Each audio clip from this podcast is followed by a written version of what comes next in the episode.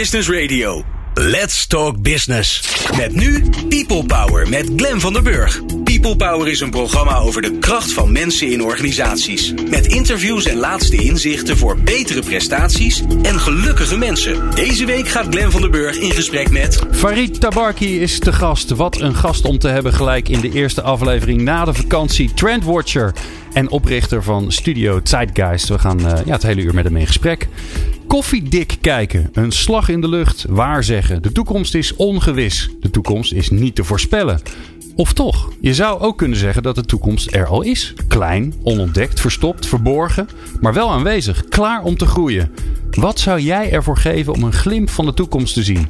Welk werk ontstaat? Welk werk verdwijnt? Hoe gaan we met elkaar werken? Welke kwaliteiten zijn er nodig? In deze People Power gaan we in gesprek met Farid Tabarki, trendwatcher, auteur en oprichter van Studio Zeitgeist. En het enige wat hij de hele dag doet is zich daarmee bezighouden met wat er allemaal aankomt. wil jij nou de nieuwste afleveringen van People Power via WhatsApp? Sla ons nummer dan op onder je contactpersonen 06 45 66 7548. Stuur ons een berichtje met je naam en podcast aan. Dan sturen wij je de nieuwste afleveringen direct zodra ze online staan. Fijn dat je weer luistert naar People Power. People Power met Glen van den Burg. Farid Tabarki is in de studio. Farid, bijzonder leuk dat je er bent. Ja, dank voor de uitnodiging. En dat zo hier op die uh, ja, uh, warme dag nog. Het is heerlijk zomers. Het is heerlijk ja, zomers. In de studio, het valt nu nog wel mee. Ik denk dat het in tweede uur, dan zitten we hier in een soort sauna. Um, ja, jeetje, um, de toekomst is niet te voorspellen. En toch, ja, krijg je die vraag krijg je ongetwijfeld heel vaak. Ik ga hem ook niet eens stellen. Waarom ben jij hiermee bezig? Wat fascineert jou zo aan de tijdgeest, aan, aan wat er allemaal aan, ja, aan trends gebeurt? Nou, kijk, het begint, het begint met dat ik als kind af aan al hondsnieuwsgierig was. Dus ik wilde gewoon weten hoe dingen zitten. Veel lezen, veel, uh, veel, veel meekrijgen, veel reizen. En dat maakt het als je op een gegeven moment al die informatie in je handen krijgt, dan wil je daar wat mee gaan doen. Dan denk je van hé, hey, maar ik daar, daar, daar kan je een rode lijn mee trekken. Daar kan je een parallel zien. Daar, daar gebeurt iets en daar wordt er weinig aandacht aan gegeven. En dan krijg je langzaam ja, die, die noodzaak om daarover te gaan vertellen. Om daar aan mee te gaan bouwen met de organisaties. Maar zag je dat eigenlijk altijd al? Uh, nou, ik was want, wel... want je hoeft niet per se die verbanden te gaan leggen. Nee, dat, dat, dat klopt. Dus, dus, hè, dus ik probeer ook vaak uh, trendwatching, tijdgeestonderzoek, Ik bedoel, what's in the name, probeer ik ook vaak uit te leggen als het begint met zien wat er speelt en dat vertaan naar, naar, naar, naar, die, naar die toekomst. Maar precies wat je zegt. Kijk, trendwatching begint bij juist die parallellen trekken. Want dan wordt het interessant over wat zijn nou de ontwikkelingen en wat kunnen we nou uit distilleren wat relevant is voor mijn organisatie, voor mij als professional. En dan begint pas die toevoeging eigenlijk. Want ja, zomaar de krant lezen, dat kan iedereen. Sterker nog, doet iedereen. Mm. Dus dat is geen toegevoegde waarde. Nieuwsgierig zijn is een belangrijke voorwaarde. Maar is niet wat maakt dat je uh, ja, kunt gaan voorspellen of dat je een goed beeld krijgt van die, van die toekomst. Dan begint echt met, met ja, die, die lijnen trekken en succesvol lijnen trekken. Hè? Dat is niet dat je na een paar jaar dan zegt van, uh, oh, maar dat is allemaal niet goed uitgekomen. Dan lig je er ook vrij snel uit. Ja, maar laten we maar, dat, dat is ook natuurlijk een, een uh, ik denk dat er heel veel trendwatchers zijn die van alles nog wat voorspeld hebben wat nooit is gekomen. En ja. waar ook niemand zich op niemand meer op wijst. Nee, je komt er vrij vaak mee weg. Toch? Ja. ja. Wat, wat, wat heb jij nou zien aankomen waarvan je zegt, ja, en dat is ook gebeurd? Um, nou, kijk, kijk ik, ik doe het nu ongeveer tien jaar. Uh, tien jaar geleden begon ik met het onderwerp. Dat noem ik radicale decentralisatie. Dus hoe eigenlijk allerlei systemen aan het decentraliseren waren. Nou, noem ik, inmiddels noem ik het vloeibaar. Daar komen we straks over te mhm. praten. Maar dat, ja, die term van radicale decentralisering. Toen hadden we het niet over hoe die energienetten zich aan het voorbereiden waren. De jeugdzorg die een paar jaar later aan het decentraliseren ging. Nou, dat is nu tien jaar na dato een totaal containerbegrip. Nu kan je niet meer met decentraliseren aankomen. Maar als je nou kijkt naar al die modellen in onze samenleving die gedecentraliseerd zijn, dan ben ik toch wel degene uh, die dat, die term als eerste gecoind heeft. En ja, waar toch wel veel uh, uh, referenties naar worden gelegd. Dus dat is wel een term waar ik wel waar, waar, trots op ben. Waar zie je dat dan gebeuren? Dus waar, waar kijk je dan naar waardoor je denkt: hé, hey, maar als ik al deze dingen aan naast elkaar leg en die tel ik bij elkaar op en ik kijk door mijn oogharen, dan zie ik dat ontstaan. Ja, ja, ja, dat is natuurlijk een beetje vragen naar, uh, naar, ja, het naar mijn van naar, Precies, ja, precies. Klopt. Uh, nee, ja, dat is, dat, is, dat, is, dat, is, dat is voor mij echt een combinatie. Dat, dat, dat, gaat, dat gaat over. Hè. Ik, ben, ik ben vaker, nou, dat ben je ook, hè, dagvoorzitter, gespreksleider. Dat is ook een hele bijzondere manier van, van snel de haarvaten van een economie, van een samenleving komen. Dus die, die, had, die had ik als als basis. Nou, dan ben ik ook nog een keer hondsnieuwsgierig. Dus ik lees echt ongelooflijk veel.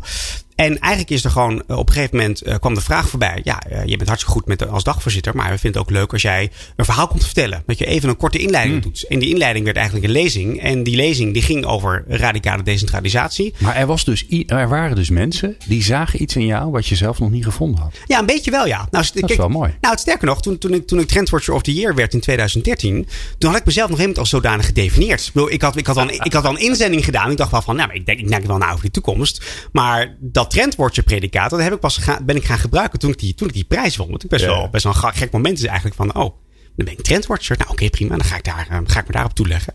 Dus, uh, uh, dus dat is eigenlijk wel een geestig, geestig moment, ja. Hoe, Ziet je, hoe ziet je dag eruit? Je wordt wakker? Ja. Wat doe je? Niet te vroeg.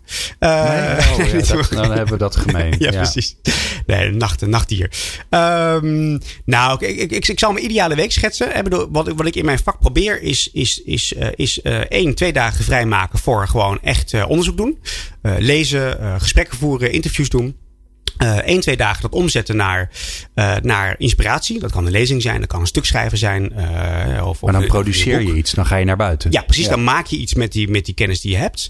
Um, en één, twee dagen wil ik gebruiken om ja, consultancy uh, met organisaties meedenken, ze voorbereiden eigenlijk op wat je zelf ziet. Uh, dus dat kan ook inspiratie noemen, maar dan veel meer in wat ja, langere termijnen nadenken over hun strategie. Um, en ook een beetje nauwer eigenlijk, hè? specifiek ja, gericht op ja, echt toegepast. Ja, en, dat, en dan maak je ook bijna natuurlijk echt je, je ja, dan zijn je met je poot in de modder. Um, en dat vind ik ook wel prettig om dat, om dat te doen. Dat, je, dat het niet alleen maar vrijblijvend een, een, een visie is, maar dat je het ook gewoon toetst aan, ja, waar gaan we een organisatie ook echt mee aan de slag. En gaat het dan over alles? Ja, ik vrees wel dat het echt over alles gaat. ja. ja, dat is, dat is niet te doen. Ja, dat is, ja, dat is, ja, ik vind het, ja, dat is ook lastig uit te leggen altijd. Maar voor mij gaat het echt over. Um, de grap is namelijk dat als je op al die verschillende plekken in Nederland, maar ook in Europa komt, dan zie je zoveel parallellen dat een aantal sectoren die denken dat ze heel uniek dat probleem hebben. Terwijl dat model één op één in een andere sector plaatsvindt. Uh, en juist die dwarsverbanden uh, maken, dat doen niet veel mensen. Dat kunnen ook niet veel mensen. Want die, zijn, die zitten in hun organisatie hartstikke goed voor die organisatie te werken. Maar hebben geen idee wat er aan de overkant gebeurt bij die andere type sector. Dus juist mensen die dat bij elkaar brengen, die, die, die, die inhoud en die kennis over die verschillende sectoren. Dat moet niet iedereen gaan doen, hè, want dan wordt het een beetje een bende en dan ben ik out of business. Dus dat moet niet gebeuren. Maar um, dat is wel natuurlijk hele nuttige kennis om gewoon te leren wat er aan de overkant uh, gebeurt. Dus um, ja, ik vrees over alles. Nou, je kan zeggen, ja, dan weet je ook niks. Um, ja, ik denk juist omdat je dus die parallellen tussen sectoren ziet, dat je daarmee juist heel veel weet. Als je het maar wel weer terug kunt koppelen en concreet kunt maken voor mensen of voor een organisatie. Als je dan... Ja, en uiteindelijk kijk jij natuurlijk wel naar waar zitten, waar zitten mensen, waar zit de organisatie, waar zitten, wat zijn de vraagstukken? Ja, ja, je probeert altijd, ik bedoel, zo kijk ik ook, zo probeer ik ook te werken in mijn columns en in mijn lezingen. Je probeert echt uit concrete voorbeelden op te bouwen. Het is niet geen utopisch vergezicht. Het gaat niet over dat we nou een, uh, hopelijk krijgen we een betere wereld. Maar het gaat echt om de analyse maken wat er aan de hand is. En dan moet je kanttekeningen plaatsen. Is dat een prettige analyse? En je kunt ook gaan zeggen van, ja, weet je wel, wat, welke kansen kunnen we omarmen en moeten we mee aan de slag. Nou, dat is een beetje een balans altijd. Want je hebt natuurlijk zelf ook een mening over die ontwikkelingen. Maar nou, als je een beetje goed weet te balanceren, dan krijg je uiteindelijk wel mensen mee. En hoop je eigenlijk dat mensen daarmee zelf aan de slag kunnen. Dat zij zelf die toekomst gebruiken, die, die, die, die, die stip op de horizon. Om te gebruiken, ja, maar als we, zo, als we zo die kant op gaan met elkaar, dan kan ik dit daarin betekenen. Nou, als je dat hoort of dat kunt bijdragen, dan, dan ga ik echt met een heel gelukkig gevoel. Ja, eigenlijk zeg je. Uh, met dit onderwerp bezig zijn, met, met welke kant we op bewegen met z'n allen, welke richting er zijn, is, is zonder dat kun je je richting als organisatie nee. niet bepalen. Onmogelijk. Nou, sterker nog, ik denk dat mensen kan verlammen. Ik denk dat juist, hè, we leven natuurlijk echt in een heftig tijdsgevricht. Er komt veel op ons af. Technologie, transformatie, uh, uh, nieuwe vraagstukken. Um, Vind jij dat dat zo is? Want dat hoor je natuurlijk overal. Hè? Turbulente tijden, alles verandert in rap tempo. Het is nog nooit zo snel gegaan. Is dat zo?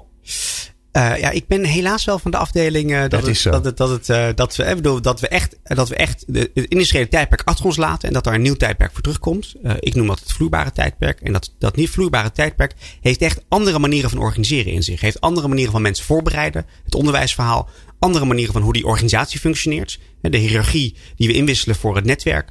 Uh, en ook wat we van onze professionals vragen. Toch veel minder die standaard functieprofielen waar we mensen op geworven hebben. En veel meer naar de mens en de menselijke maat kijken. Nou, waar jouw programma over gaat. Mm -hmm. uh, en die, die vaardigheden en die competenties centraal stellen in je arbeidsproces. Ja, ik word er heel vrolijk van dat die tijd zich aandient. Uh, maar ja, daar zitten natuurlijk ook nieuwe winnaars en verliezers tussen. Sommige mensen die daar ontzettend goed op voorbereid zijn. Er helemaal klaar voor zijn voor de nieuwe tijd. En mensen die ja, opgeleid zijn voor een ander tijdperk, dat vorige tijdperk. En vastlopen. Ja, wat moet, wat moet ik dan? Ik heb maar geen tijd om me herop te leiden. Ik heb er ook geen zin in. Ik ben te oud. Ik kan er niet meer mee. Um, nou, daar, daar maken we wel zorgen over. En ik vind dat het onze taak is om die mensen goed voor te bereiden en mee te nemen. Dat ze nog uh, decennia mee kunnen in toch echt een nieuwe tijd. Ja, uh, laten we maar even nemen. Hè? Want ik, als, je, als je even gaat googlen op jouw naam, ja. dan kom je vloeibare samenleving. En los van het feit dat je natuurlijk jouw hè, je studio Zeitgeist kom je tegen. Je komt nog wat tegen. Ja. Maar vloeibare samenleving kom je op heel veel plekken tegen. Ja. Wat is dat? Wat is dat? Dat het laat zich definiëren. Nou, wat ik al zei. Normaal hè, dus... praat je daar natuurlijk een uur over, dat snap ik. ja, maar we houden het heel kort. De elevator pitch van de vloeibare samenleving is als volgt. Het is een, een tijdperk eigenlijk waarin um, uh, ja, verandering uh, constant geworden is. He, dus we, we, komen uit een tijdperk, de industriële tijdperk, wat, is, wat dingen vast heeft gezet. Een type, een manier van organiseren, een manier van werken met elkaar, een manier van mensen opleiden voor dat industriële tijdperk. Nou, we, het, is, het is warm vandaag, dus uh, we zitten er warmpjes bij, letterlijk en figuurlijk. Um, dus dat systeem heeft ons heel veel gebracht. Alleen wat we nu zien, is dat we de afgelopen 10, 15 jaar ja, een transformatie doormaken. Dat er nieuwe mogelijkheden zijn. Die maken dat al die vaste verbanden die we hebben gecreëerd tegen ons gaan werken. Nou, een vloeibaar tijdperk gaat over een Geef tijdperk. eens een voorbeeld, wat zit ons in de, in de weg? Uh, nou ja, heel, heel concreet. Bedoel, uh, je ziet nu uh, informatie, hè, om, om een beetje in die, in die metafoor te, te blijven. Vloei, informatie wil, wil vloeien, hè, wil zich naar een volgende plek. Vroeger was op je informatie zitten, hè, geheimhouding, was je meerwaarde als manager. Hè, jij zat op die informatie, jij deelde dat als, dat als dat uitkwam, dan ging je dat een beetje delen. Maar jouw machtsbasis was die informatieschaarste die jij had. Nou, die is er niet meer. Nu gaat het juist over hoe combineer ik al die verschillende informatie bij elkaar, zodat mijn team als geheel tot nieuwe creatieve concepten komt of tot nieuwe inzichten eigenlijk. Dus het concept op je informatie zitten als machtsbasis moet je totaal overhoop gooien om ervoor te zorgen dat die organisatie nog snel genoeg meebeweegt, mm -hmm. omdat die tijden zo snel uh, ja, Dus doe, doe, je dat niet, dan houdt het je tegen. Dan houdt het je enorm tegen. Ja. Dan, dan, dan, dan, dan wil je team niet mee, dan kan je niet de goede mensen werven en dan kom je tot, tot, tot nieuwe creatieve concepten die eigenlijk volgende week af moeten zijn. Nee, sterker, gisteren nog. Um, maar dat is natuurlijk wat mensen niet geleerd hebben. Die hebben geleerd, nee, dat, dat, was mijn macht. En uh, nu pakken ze mijn macht af. En dat wil ik helemaal niet. Dus, dus ik begrijp heus wat mensen daar niet om staan te springen van, ja, maar wie ben ik dan? En wat voeg ik dan nog toe in mijn, in mijn, in mijn proces als organisatie? Uh, nou, dat herdefiniëren, dat bij jezelf ook herkennen, dat is ook een beetje van twee kanten. Die organisatie moet mensen meenemen in wat vragen we eigenlijk van elkaar in de nieuwe organisatievorm. En wat betekent dat voor mijn mensen? Want die moeten ook, ja, ook een beetje rouwen om, ja, om een nieuwe rol. Waarbij ze een aantal dingen verliezen. Uh, die vroeger heel veel macht en heel veel mogelijkheden gaven. Uh, maar ook nieuwe mogelijkheden voor terugkomen. Nou, en in die, in die, in die, in die, in die, in die, in die, in die tussenfase eigenlijk uh, is het heel cruciaal. Want dan is het ingewikkeld om en te rouwen en iets tegelijk op te gaan bouwen. Terwijl het wel precies is waar we eigenlijk in zitten. Ja. Dus, dus er zijn dingen, er zijn, het oude tijdsgewicht houdt ons tegen. Ja. Je zegt alles is in verandering. Ja. Um, ja, dan is, dan is het nogal vloeibaar. Nogal. Maar dan kan je dus ook niks beetpakken.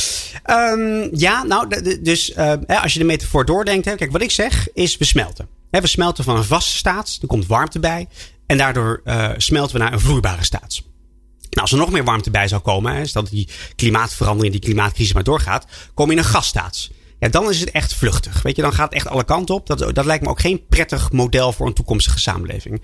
Maar die vloeibare samenleving, kijk, in een zwembad, het is heel lekker zwemmen, toch? Als je, als je weet hoe je moet zwemmen, is het eigenlijk heel prettig. Zeker met deze dagen, dat je een beetje verkoeling krijgt. Dus wat we moeten gaan leren, is leren zwemmen in die vloeibare samenleving. En dan komen we er prima, prima vanaf. En dan moeten we zorgen dat iedereen die vleugeltjes heeft, dat je niet kopje onder gaat. Dus het gaat erom dat we nu allemaal een diploma halen voor dat nieuwe tijdperk. Dat lijkt mij nog steeds prima haalbaar. Maar je hebt gelijk, als het doorgaat, dan gaan we naar de gaststaat. Niet iets waar ik naar uitkijk. Nee. Nou ja, wat dit dan allemaal betekent voor ons in organisaties, uh, voor werk, uh, voor leiderschap. Nou, noem al die thema's maar. We gaan zo ver mogelijk proberen te komen in deze uitzending. Gaan we dus daar gaan we zo verder mee verder praten met Farid Tabarki. People Power. Inspirerende gesprekken over de kracht van mensen in organisaties. Met Glen van der Burg. Farid Tabarki is de gast, trendwatcher. Um, ja, hij is uh, de, de, man van de vloeibare samenleving, daar hebben we het net over gehad. Ja, uh, ja laten we maar eens vertalen naar werk, uh, Farid. als je denkt aan organisaties, aan werk, aan hoe we dat allemaal ingericht hebben. En dan, en dan wordt nu alles vloeibaar. Ja. Wat, wat zie je dan gebeuren? Nou, dan zie je gebeuren dat we de, dat we de, de fabriek aan het afschaffen zijn. Want eigenlijk, als je heel eerlijk bent, dan is veel van ons werk nog helemaal gebaseerd op die assemblageachtige manier van werken. Ik bedoel, hele duidelijke instructies, functieprofielen waar mensen aan, aan moeten voldoen. Eén keer per jaar een functioneringsgesprek. Je, verzint het niet, maar het komt echt nog, nog, echt nog heel veel voor bij organisaties. Know, Ja, goed, precies. Uh, tragisch, maar tragisch maar waar. Um, ja, dat vloeibare tijdperk, dus dat zet al die logica van manieren van organiseren eigenlijk op zijn kop. Uh, nou, daar kan je op een aantal manieren naar kijken. Hè, maatschappelijk, uh, wat er aan de hand is, hè, met werk onder andere. Hè, daar heb ik een boek over geschreven, over het einde van het midden. wat je ziet is dat ja, veel beroepen in het midden, even voor, voor, makkelijk gezegd, het middelbaar beroepsonderwijs. En de, en de, en de vakken en de, en de, en de banen die daarbij horen. Ja, er zitten ook op een aantal vakgebieden echt wel klappen die de afgelopen jaren gevallen zijn. Hè. Voornamelijk in de economische hoek. Ja, banken die sluiten, financiële dienstverlening die, die veel wordt geautomatiseerd. Nou, het gaat natuurlijk over tienduizenden banen, honderdduizenden banen bij verzekeraars waar mensen uitgeknikkerd zijn. Um, en waar niet per se een baan voor terugkomt. Hè, in, in die branche of op die manier van, uh, van werken. Dus uh, een van de En we leiden ze nog steeds op. Hè? En, en, dat is nog het ergste. Nou goed, wij proberen als studio wel met alle ROC's samen te werken om het een beetje te versnellen, die, die verandering. Maar ik vind het absoluut schandalig hoe wij uh, als politiek en, en, en ook, een, ook toch ook een aantal schoolbesturen die echt zitten te suffen over een generatie voorbereiden voor iets wat er echt al lang niet meer is. Nee. En in toenemende mate merk ik zelf ook wel. Nee. MBO administratief werk, daar, uh, daar hebben we er niet zo heel veel meer van. Nee, daar hebben we niet voor nodig. Uh, de retail is natuurlijk, is natuurlijk waar, waar, een business waar de afgelopen jaren ongelooflijke klappen zijn, zijn, zijn gevallen. Daar komt wel iets voor terug. Maar het is veel meer servicegericht. Kom je veel dichter bij de hospitality. Weet je, het kan allemaal wel. Er is absoluut baan, banen in de, in, de, in, de, in de retail. Maar dan zit je aan de hospitality kant. Dus dan moet je veel meer die opleidingen vanuit die kant gaan benaderen. Dus ja, bedenk maar een sector, kort gezegd. En er is een hele grote vraag naar verandering. Omdat je mensen echt op een andere manier moet, moet gaan opleiden. En op andere manier moet naar gaan kijken. Nou, dan, dan is er iets met die organisaties aan de hand. Die organisaties moeten zich herorganiseren. die werken vanuit netwerken.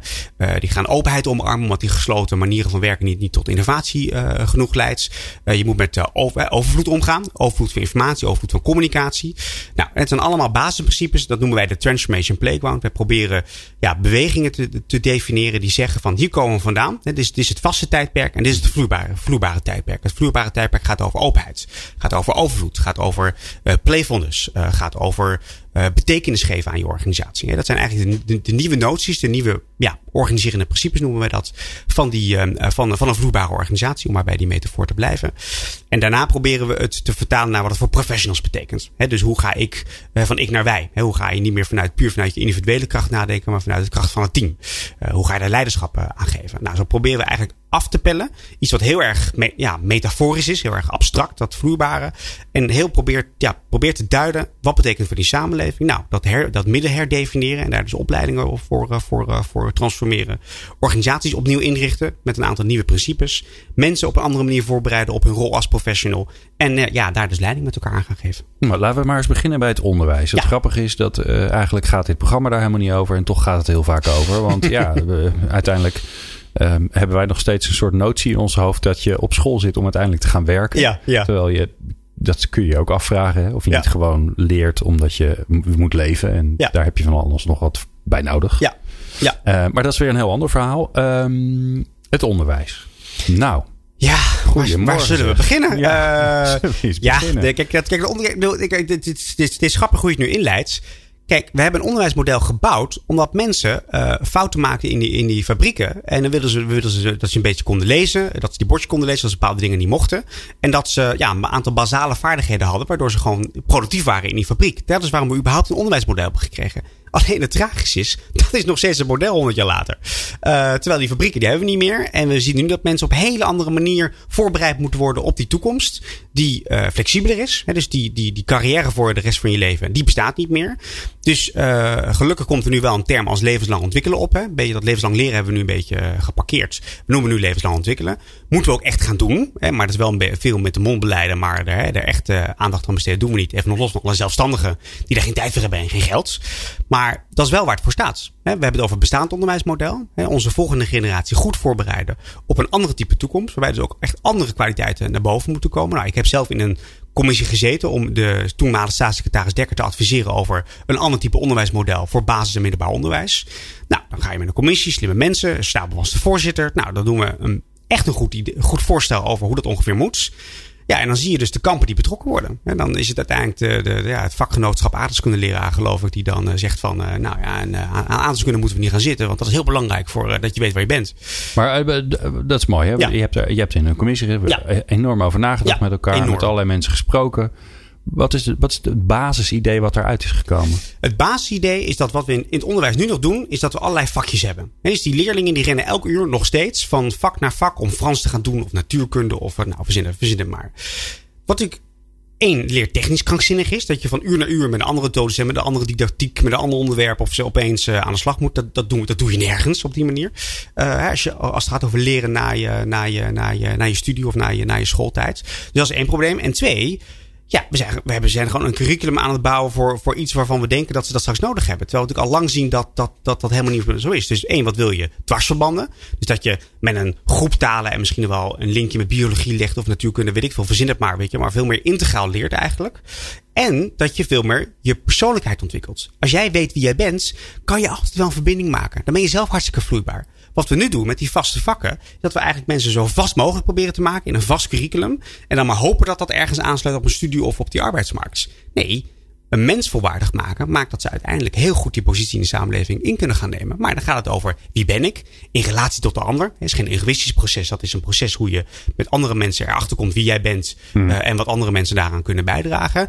Dat is het proces wat je eigenlijk zou willen vormgeven met elkaar. En wat docenten een prachtige rol voor zouden kunnen, uh, in kunnen hebben. In plaats van het standaard rijtje uh, provinciehoofdsteden van Nederland uit je kop leren. ja. Bij wijze van spreken. Ja, en hoe de kern van de aarde in elkaar zit. En, ja, ja, en allemaal, weet je wel, geen onzinnige kennis. En, maar het lijkt me veel interessant om het in een relatie tot iets anders met elkaar door te nemen. Of daar vanuit een intrinsieke motivatie achter te komen. Dat je daar mensen toe stimuleert van dat je, dat je de vraag stelt waarom je dat zou willen weten. Ja, dan wordt het spannend. Want die vraag formuleren, die heb je straks nodig in zo'n samenleving die maar om je heen blijft veranderen. Daar heeft een, een vast setje uh, kennis gaat daar echt niet bij helpen. Nee, en je, je leert eigenlijk met elkaar um, om continu te blijven leren. Om ja. je continu te ontwikkelen. Ja. Om maar even een ander ja. woord nog leren, dan denken we gelijk aan schoolbanken. Ja, ja en dan gaat het dus over, over dus de juiste vragen stellen over wat heb ik nou op dat moment nodig.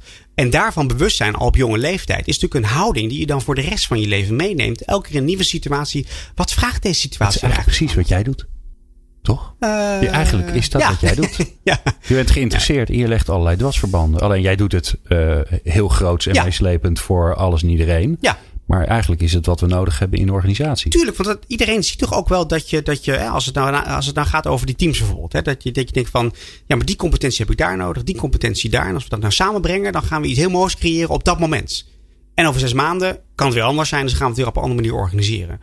En dat onderwijs, dat weet het op de een of andere manier steeds maar weer helemaal vast te maken. In, in, die, in dat vaste lokaal met die, met, die, mhm. met, die, met die vaste groepen studenten. Dat je ook nog een keer wordt beoordeeld op je slechtste vak. Hè, want dat is ook nog een keer een model. Dat je, dat je nou, waar haal je het zesje en een vijfje voor? Nou, dat is de onderwijsstromen die dat je Dat is je niveau, ja. Dus Toch? het wordt HAVO. Ja, dus, uh, dus, hè, dus, dus je echte talenten worden natuurlijk überhaupt niet herkend. Of, of, of, uh, of, of gestimuleerd. Ja, dus nou, hoe, hoe demoraliserend kan je het ongeveer ontwerpen? Nee, dat is ongeveer wat we nu gedaan hebben. Ja. Uh, dat kan een stuk beter. Daar probeer ik ook aan bij te dragen op allerlei uh, manieren. Maar het moet ook echt veel beter. Dat is echt een opgave die we. En waarom, lukt, het, en waarom lukt het niet in één minuut? Uh, nou, twee argumenten. Eén, het is hier fantastisch. Het gaat heel goed. Dus de wet van de, wet van de remmende voorsprong. Okay. Het is natuurlijk heel moeilijk we hebben het beste onderwijssysteem ter wereld. Ja, dus, dus ik Op wil, Finland en... Uh, ja, het, dat is fantastisch. Ja. Alleen het is niet toekomstproef. Het is niet als je nadenkt over wat hoop je nou dat mensen over 10, 15 jaar echt kunnen. Dan moet daar veel meer bij. Moet er ook dingen af. Um, dus dat is een groot nadeel. Dat is ook een compliment aan die huidige docenten en schoolbesturen. Maar ja, over 10 jaar hoop ik ook het compliment te kunnen geven. Maar dan moet het wel veranderd zijn. Dus dat helpt niet. En twee, ook hier natuurlijk weer. Er is gewoon een groep mensen die dat onderwijs op dit moment vormgeven. En die ook die stip aan de horizon niet kunnen zien en willen zien. Uh, nou, aan het willen zien, uh, dat is een probleem. Maar kunnen zien, daar kunnen we ze bij helpen. Hmm. Dus überhaupt zelf een, een, dat, daarom zat ik ook bijvoorbeeld in die commissie. Om, een, om mee te denken over, ja, maar hoe ziet die samenleving dan ook uit? Want als je dat weet, of een beetje weet, dan kan je dat terugredeneren. Dan moet deze kwaliteit ontwikkeld worden, deze competenties. Dus überhaupt mijn vak toekomstdenken is wel een vak, uh, ja, een beetje voor eigen pochje dit. Maar is natuurlijk wel echt nodig om mensen in beweging te gaan krijgen over dat het moet gaan uh, veranderen. Ja, als je geen visie neerlegt, politiek, als schoolbestuur, als organisatie in het algemeen. Ja, dan wordt het ook heel moeilijk om mensen mee te krijgen in de verandering. Want waarom zou je? Je voelt geen urgentie. Je ziet ook niet zo goed waar het anders heen zou moeten. Wat jouw rol daarin is. Ja, dan kan je toch beter gewoon uh, schoenmaker blijft bij je leest. Blijf maar een beetje hangen, toch? Uh, kan ik mensen niet uh, kwalijk nemen. is het al ergens? Is al, is al ergens in Nederland, in de wereld, zo'n soort manier van onderwijs? Uh, er zijn heel veel inspirerende voorbeelden uh, in Nederland, uh, buiten Nederland, die echt absoluut voorop lopen. En dat is ook dat is een goede vraag wat je nu stelt. Hè. Daar moeten we ook vooruit kijken. Ik pleit niet voor een nieuw systeem die het weer helemaal gaat opleggen zoals we het nu moeten gaan doen. De kracht gaat juist zijn, over radicale decentralisatie gesproken. Maak nou docenten zo weerbaar, zo slim en dat ze tijd genoeg hebben dat ze het zelf met elkaar gaan creëren. Weet je, dat ze niet zomaar een didactiekje uit een uitgeefboek even, even copy-pasten. Mm Wat ze nu voornamelijk doen. Nee, waarom ben je nou docent geworden? En waarom wil je nou met die groep docenten en met die groep studenten en leerlingen om je heen een, uh, iets creëren waardoor zij beter in die samenleving kunnen gaan functioneren? Dus volgens mij ligt er een ongelooflijk mooi primaat klaar voor professionals die autonoom in collectiviteit dat verschil gaan maken. En er zijn heel veel voorbeelden van. In, in wat je noemde het al, Finland, uh, Singapore is super, super dramatisch bezig. Uh, de Esten zijn altijd een goed voorbeeld op allerlei uh, verschillende niveaus. Dus er zijn echt allerlei, in Afrika zijn een paar scholen heel vernieuwend. Dus er zijn wel individuele goede voorbeelden. Alleen, hoe krijg je dat systemisch? Zonder dat je weer als politiek Den Haag één model gaat opleggen van en nu moet het allemaal gaan doen. En dat is misschien nog wel het grootste probleem. Dat we nu allemaal willen, hè, one size fits all. Mm. Eén model voor iedereen in je organisatie, in de politiek, in die maatschappij van ons. Terwijl het juist gaat over kracht van mensen. Ja, dat is dus diversiteit omarmen. Is dus ja, vele bloemen laten bloeien. Maar ja, dat is in een tijdperk met allerlei raad van, eh, allemaal uh, raden van, uh, van, uh, van nou ja, organisaties die alles willen inspecteren en in controle willen houden. En Twitter is Ja. te klein als het misgaat. Ja, Ja, dat is wel oh een eh, dat- dilemmaatje. Misschien is het wel onze angst dat het misgaat. Want stel je voor dat jouw kind op die ene school zit waar het dan niet goed gaat. En dan een hele leven. Ja. Ja, maar die mentaliteit is wel killing uiteindelijk voor vernieuwing. Eh, weet je, zolang we dat met elkaar, zolang we elkaar allemaal vasthouden in die angst voor, voor die vernieuwing. eh, en daarmee ook niemand iets gunnen. En of het nou in de zorg is of in het onderwijs of in die organisatie. Ja, dan, eh, dan missen we echt de slag. En dan eh, denk ik dat die andere goede voorbeelden die op andere plekken plaatsvinden, die gaan stug door. Dus dan leuk voor de kinderen die daar, die daar en ouders die daarvoor gekozen hebben. Maar dan, nou, dan vind ik dat we als samenleving geen knip van de neus waard zijn. Dan, dan laten we het echt lopen met elkaar. Nou, en op die uitermate genuanceerde eh, uitspraak gaan we, gaan we zo Altijd, altijd. praten met Farid Tabarki. Eh, maar zo eerst eh, de eerste column eh, van eh, het, het, het nazomerseizoen. En die heb ik zelf geschreven. Stoor je zo. People Power met Glen van den Burg. Moet ik wel mijn microfoon openzetten, dat is altijd handig. Drie blikken tomaten. Een paar bollen mozzarella. Twee aubergines. Een stuk of wat courgettes. Een flink stuk parmezaanse kaas. In ons vakantiehuis in Italië wordt de inventaris opgemaakt. Het is de op één na laatste dag en de boodschappen doen met de gedachte: het gaat wel op, die geldt niet meer. Alles wat er aan het einde overblijft moet mee terug naar Nederland of de kliko in. En dat laatste kan natuurlijk niet. Dus is het tijd voor creativiteit. Niet van het soort ik heb een goed plan, maar van het soort creëren uit voorraad.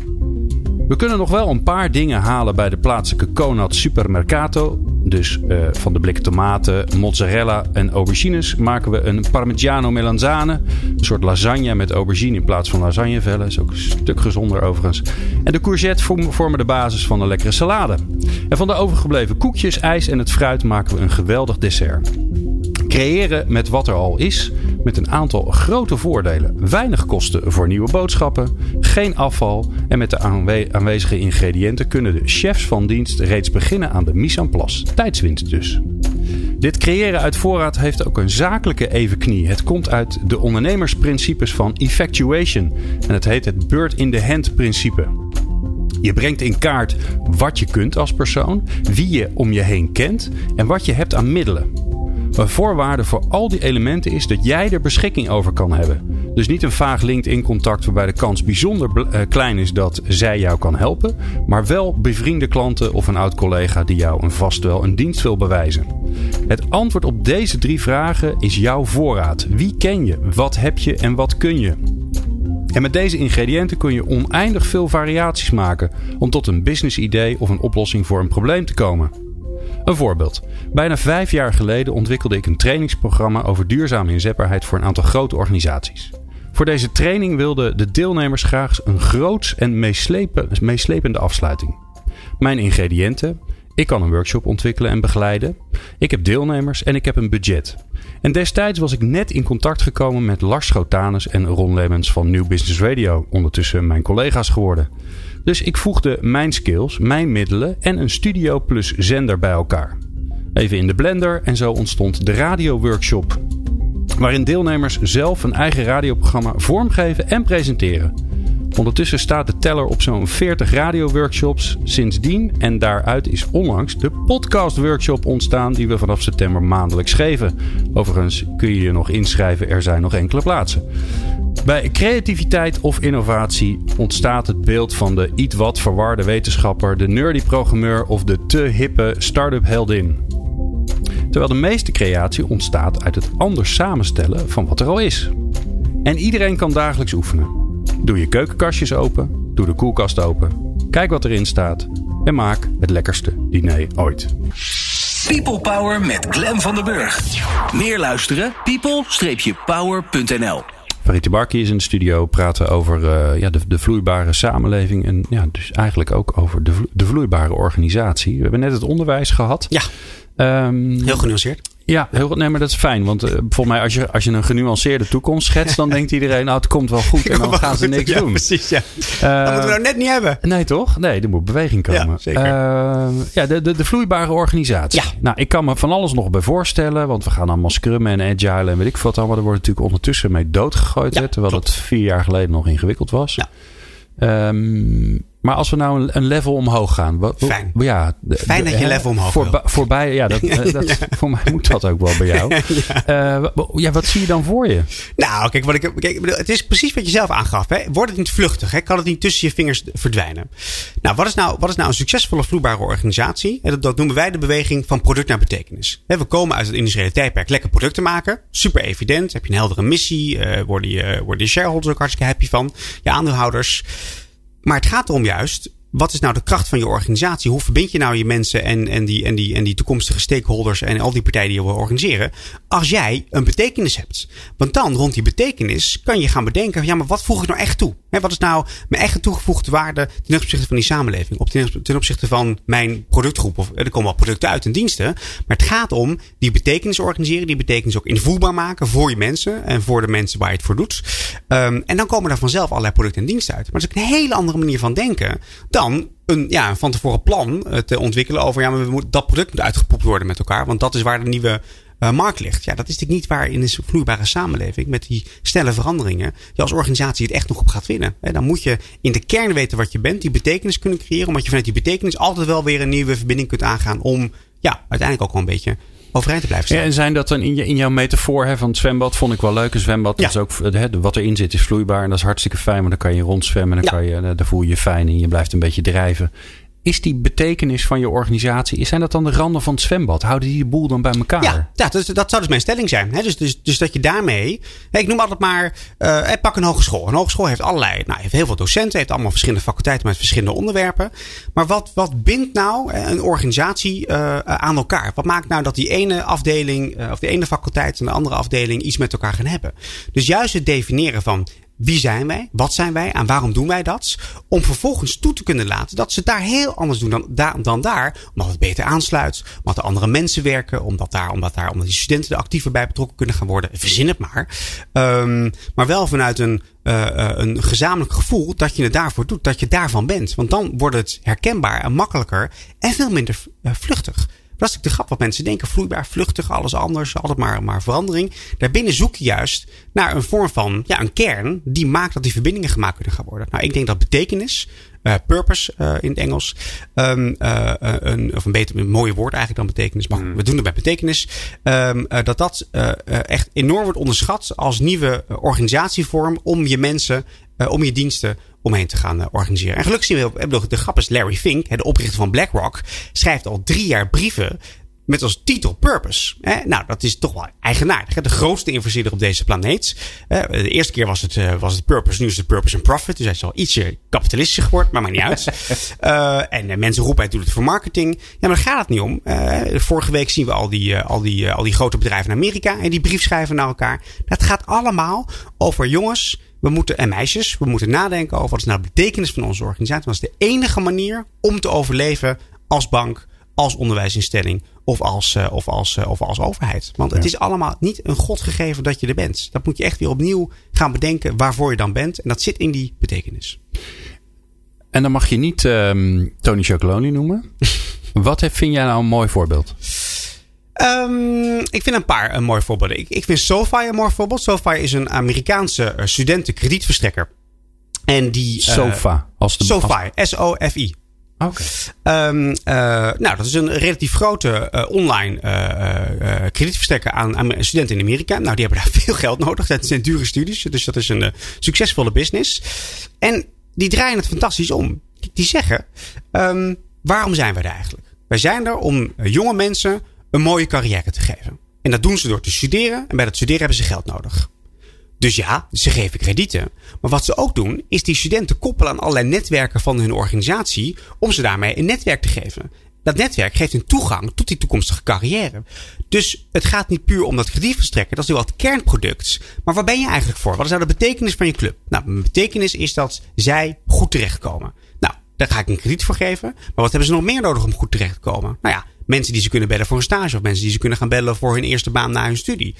Nou ja, ook een soort catch. Want ja, als ze geen goede eh, baan krijgen, dan kunnen ze dat krediet niet terugbetalen. Nee, dus, nou ja, dus, je, ja je, je, kunt ook zeggen, het is een hele handige manier van risicomanagement. Nou ja, precies, precies. Ja. Dus, dus, dus, dus de, de, de, hij bijt in verschillende staarten.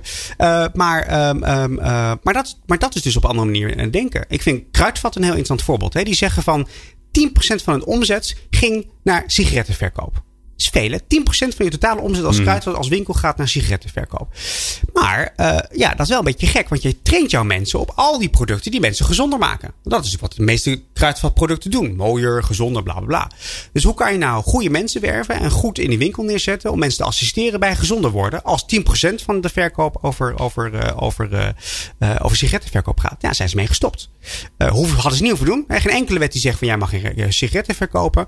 Maar bij de betekenis van een organisatie als kruidvat. Hè? Mensen. Dan weet je gelijk, dit past niet. Dit past niet. Dat moeten nee. we niet gaan doen om uiteindelijk veel betere service te leveren. Want nu hoeven die rare medewerkers niet meer die rare sigaretten te verkopen. Uh, die denken van ja, maar ik heb net allerlei mooie producten verkocht met allemaal gezondheid. Ja. En nu, uh, nu zit ik ook nog een uh, pakje sigaret waar ik longkanker van Ja, die verkochten tegelijkertijd hoessiroop en... ja, precies. Ja. Ja. ja, dat kan niet nou, anders zijn. Volgens mij hele mooie voorbeelden. Dat als je nou echt goed nadenkt over waar ben je van? Waar ben je geloofwaardig op? En waar kan je nou je toekomstige klanten en consumenten op verbinden? Mhm. Uh, nou, zover noemen ze natuurlijk niet eens klanten. Er zijn ook allemaal members tegenwoordig. Oh, ja. nou, goed, maar goed, dat is een beetje die hipheid die jij met Scrum en Agile noemde. He, dan wordt het heel plat. Maar de laag erboven is echt heel interessant. En leidt echt volgens mij tot een veel interessante organisatie. Met betere mensen, betere klanten. En uiteindelijk ook misschien gewoon meer omzet. Mooi. Ja, mooi voorbeeld. Ja. Ik, deze kende ik nog niet. Ja. Ja, dus dat is altijd weer mooi. Nou, daar, Zie je? daar Dus doe je het voor, ja, toch? Al dus die mooie uitzendingen van je. Ja. Ja. Ja, uiteindelijk is iedereen er vooral mee bezig om mij weer dingen te leren. het is mijn leren, leven lang ontwikkelen. Ja, dat heb je slim gedaan. Slim gedaan. Alright, nou eh, eh, mooi. De houvast is de betekenis. Dat betekent ook dat je heel veel moet loslaten. Ja. Als jij nou, hè, want jullie helpen daar organisaties bij, Ja. die komen naar jou toe en die zeggen: joh, we, we- A, we willen weten eh, waar de hel moeten we naartoe. Ja. Ja. Ehm, maar ehm, we moeten daar ook heen. Dus dat betekent hè, dat Ja. als ze dan überhaupt een richting gaan, moeten ze ook, moeten ze ook iets gaan doen. Klopt. Ja. Eh, Heb je een voorbeeld ehm, eh, van, van hoe dat dan werkt? Dus er klopt iemand bij jou Ja. aan, er klopt een organisatie bij jou aan. Die, Ja. zeggen, die zeggen, joh, is niet doorvertellen, maar we weten het eigenlijk niet zo Nee, goed. het helemaal kwijt. Toch? Ja, ja maar dat, dat, Ja. is, dat is wel eigenlijk. de- Ja, anders bel je bij jou Dat niet is, aan. Als je, eh, als je weet waar je nou naartoe wil en je gelooft dat je zekerheid hebt, dan hoef je niet eh, bij Farid langs Iedereen is het een beetje kwijt. Want ja, het is een nieuw tijdperk. Dus Het is als je heel eerlijk bent, zeg je eigenlijk van... we moeten het met elkaar gaan vormgeven. Dat willen we graag gaan doen. Gaan we Studio Tijdgeist bellen. Mogen ze ook andere mensen bellen. Want wij zijn ook heel druk. Maar je mag ze nog steeds blijven bellen. Eh, want uiteindelijk moet, moet je als organisatie... natuurlijk externe hulp krijgen bij dat vormgeven. Met dat inzicht krijgen. eh, je mensen meenemen. Hè? Dus wat doen wij? Wij doen interviews met, met, met, met medewerkers. We doen interviews met klanten. Om met elkaar dat, die visie te creëren. Om een scan te maken met wat zijn nou de oude elementen van je organisatie? Waar zit die vastigheid? Waar zit die geslotenheid? Waar zit die, wa- wat zijn nou de grootste bottlenecks want wat betreft hiërarchieën? Waar zitten die drempels allemaal? Oké, dus datgene wat jij, wat jij uit jezelf al doet op grote schaal. Ja. Voor de samenleving. Precies. Ga je dan in die organisatie Doe je een interne scan en dan, en dan zeg je eigenlijk van, nou op deze elementen lijken die er wel helaas nog wel een beetje op een industrieel tijdperk. Maar de positieve kant, we maken ook een scan over, ja maar waar zie je nou die openheid al? Want eigenlijk in al die organisaties zijn al voorbeelden van mensen, van directies, van, van, van, van, van teams die hele mooie dingen aan het doen zijn. Die wil je groot maken. Dus die, uh, dus die, maak je, die maak je inzichtelijk. Nou, volgens moet je daar kaas van maken. Nou, dat kaas maken doe je door inspiratiesessies, doe je door trendpapers te schrijven, doe je door, uh, nou, misschien wel samen met jou een keer een podcast te maken bij zo'n organisatie. Vind ik namelijk een heel, vind ik namelijk een heel goed idee. Er is een nieuw idee geboren. Nou, er is een nieuw idee geworden. nee, maar omdat je uiteindelijk, dat weten we ook pedagogisch, door het te gaan maken, uh, het. Uh, dus nou, wij willen organisaties helpen bij het meemaken uh, om, dat, om dat te gaan doen. Nou, daar heb je allerlei vormen voor. En de ene vorm past bij die organisatie, de andere vorm past bij die organisatie. Daar hebben we ook een netwerk voor om dat samen met elkaar gaan doen. Ja, en samen creëer je daarmee die vloeibare organisatie. En creëer je langzaam een beeld van hoe je dat dan moet gaan vormgeven met elkaar. En dan kan je er gaan handelen. Handelen op persoonsniveau. Wat moeten, wat moeten onze mensen kunnen? Kan je leertrajecten ingooien? de, de jonge leiders van de organisatie voorbereiden enzovoort, enzovoorts. Kan je strategie op toetsen? Wat hebben we nou liggen en waar willen we heen? Dus dat doen we heel veel. Hè, strategiebegeleiding. En gewoon ja, op directieniveau. Ja, hoe stuur je dan je mensen aan? Liquid leadership, vloeibaar leiderschap. En daarmee sneed hij gewoon een nieuw onderwerp aan waar we weer een uur over verder kunnen gaan praten. Liquid leadership. Nou, dan doen we even de teaser voor de volgende keer. Liquid. Want het is ook leuk. We gaan namelijk in de volgende aflevering gaan we het over leiderschap nou, hebben. Nou. Dus dat kan geen toeval zijn. Nou, maar gooi het in de groep. Ja. Wij definiëren vloeibaar leiderschap. Leiderschap als capaciteit van teams. Hoe, hoeveel heb ik nu? Nog een minuutje? Ga maar door, ga maar door. Je hoort vanzelf. Wat het mooiste voorbeeld is, uh, is uh, de film Avengers. Gaat dat zien. Dus daar kan je dan volgende week ook even bespreken. Avengers, de best verkochte film ever, hè, is vorige maand bekend geworden. De draaide vorig jaar en het jaar daarvoor in twee delen in de bioscoop. Wat gebeurt daar? Vloeibaar leiderschap. Je hebt niet één superheld nodig om de wereld te redden. Waar al die films tot nu toe over gingen. Nee, er zijn 28 superhelden samen nodig om die wereld te redden. Wat betekent dat? Verschillende kwaliteiten. Niet de kwaliteit van één leider met één kwaliteit, met één capaciteit. Nee, 28 kwaliteiten die met elkaar als team ervoor gaan zorgen dat die zeer complexe veranderende wereld echt veranderd kan gaan worden. Dat is vloeibaar leiderschap. Mooi. Ja. Wauw. En het kan. Ja. Je kan de wereld ermee redden. Dus, uh, het is toch on ongelooflijk dat, dat we met zo'n uh, complex, uh, ingewikkeld, verheven onderwerp bezig zijn als, ja, als de tijdgeest. En dat we uiteindelijk bij de Avengers uitkomen. Mooi hè? Ja. Als je er één moet aanwijzen, iedereen die nu luistert, die denkt: ik heb die film niet gezien, ik weet niet waar het over gaat. Ja, en we mogen ook niks verklappen eigenlijk, hè? Uh, nou ja, het, het is. Kijk, kijk dat, dat, het, het, Marvel is natuurlijk sowieso fascinerend. Hè? Dat zijn de makers van die films. Met, met deze film hebben ze eigenlijk een, een, een, hele cyclus afgerond van zes jaar films maken. De meest succesvolle films ooit in de filmgeschiedenis. En ze beginnen een nieuw hoofdstuk. Ongelooflijk, hè? Het is, het is als bedrijf. Hè? Disney heeft het gekocht. Wat een fascinerende casus over hoe je bij de tijdgeest kan zijn. Want deze films zijn tijdgeestmachines. Het zijn allemaal spiegels over wat zijn we en waar gaan we heen. Nou, en met karakters eh, eh, die, die uh, uh, tientallen jaren oud zijn. Precies. ja. Want ik kocht vroeger van die stripboekjes bij de ACO of de weet ik veel wat. En die waren peperduur, dus ik had er niet zoveel.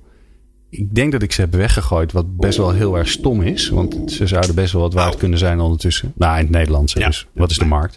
Maar um, ja, dat is wel bijzonder. En ineens werd het een gesprek over Marvel. Daar gaan we het de volgende keer zeker over hebben. Um, uh, laatste vraag aan jou, Farid. Ja. Um, er hebben ongelooflijk veel mensen naar deze aflevering geluisterd. Want er luisteren sowieso altijd gemiddeld al ongeveer 900 mensen naar de podcast. Um, uh, nu zijn het er nog veel meer, ja, want ze willen ja, jou allemaal horen. Ik ga het allemaal rondtweeten, dus al mijn Twitter-volgers gaan allemaal dus netjes... die gaan uh, allemaal braaf luisteren. Absoluut, absoluut. En aan het eind van het uur willen ze iets gaan doen. Dus je hebt dit allemaal gehoord. Je denkt, holy shit, wordt allemaal vloeibaar. Wat is het ene ding wat ze vandaag of morgenochtend misschien gelijk kunnen gaan doen? Wat je echt moet doen, is vind nou een manier om zelf die stip aan de horizon te kunnen zetten. Wat heb jij nou nodig om een beeld te krijgen hoe jouw toekomst, de toekomst van je organisatie eruit gaat zien. Dat kan je inkopen bij partijen, maar dat kan je ook net zo goed zelf bedenken van welke informatie heb ik nodig? Welke mensen wil ik om me heen verzamelen om samen met elkaar dat beeld van die toekomst te gaan krijgen? Want als je dat beeld hebt, gaan mensen er daarna handelen. En dat is wat we nodig hebben. Dat we gaan handelen naar Wij maken onze eigen toekomst. Zo is dat. Ja, dat is mooi. Ja. ja. En wat ik ook wel mooi vond, en daar begon ik eigenlijk het uur mee. En jij zegt dat eigenlijk ook wat je doet in organisaties. Die toekomst, die is er al. Hij is alleen nog heel klein en heel broos. En misschien, kom, misschien komt het er nooit wat er al is. Maar sommige dingen wel. Ja. Maar dus door te praten, door erover te praten met elkaar en te erkennen wat je wel of niet weet erover, wordt het vanzelf een werkelijkheid. dat is, dat is uh, voodoo. Hè? Uitspreken wat je wilt dan komt het uit. Want ik, dan weet ik wat jij wilt. En dan kan ik ernaar gaan handelen dat jij dat gaat krijgen. Want wij zijn mensen, groepstieren vinden het leuk als het goed met elkaar gaat. Maar dan moet je het wel uitspreken. Als je het allemaal in jezelf houdt en zelf in dat krantje blijft lezen, dan, dan, gaat, dan gaat het niet vliegen. Dus we moeten ervoor zorgen dat de ideeën gaan vliegen. Mooi. Dankjewel. Bijzonder fijn dat je er was. Ja. Fijn dat je terugkomt. Uh, fijn. Uh, maar dat hebben we eigenlijk nog helemaal niet beklonken. Maar volgens mij ja, toch? Ja, hè? Dat andere ga je ook doen, toch? Uh, daar kom ik nog op terug. Maar dat oh, komt, dat komt hij op terug. ja, nou, dat is de cliffhanger. oh, waar hebben ze het over? Um, en dat, wat leuk is, er is een nieuw product ontwikkeld. Zo hier ja, aan tafel. Ja, daar, gaan wij, daar gaan wij op door. Ja, ja. de toekomstpodcast. Daar ja. gaan wij het uh, buiten de uitzending nog ver, verder over. Dankjewel, Farita Barki, dat je hier was in People Power. Uh, wij gaan in de volgende aflevering van People Power weer een mooi onderwerp aansnijden. Want we gaan het hebben over ziekenhuizen. Ook zij zijn onderhevig aan grote veranderingen. Meer specialisatie, meer zorg in de eerste lijn bij de huisarts, technologische ontwikkeling, arbeidsmarktkrapte. Nou ja, dat zijn in ieder geval de dingen die ik langs hoor komen. Dat vraagt veel van de leiding van de organisatie. En onze nieuwe partner CEO heeft het Deventer ziekenhuis uitgenodigd om te komen vertellen over de rol en de aanpak van het leiderschap. En natuurlijk ga ik ze ook vragen of zij ook doen aan liquid leadership. Dat hoor je allemaal in de volgende aflevering van People Power. Fijn dat je hebt geluisterd. Meepraten, meepraten of meer programma's? people-power.nl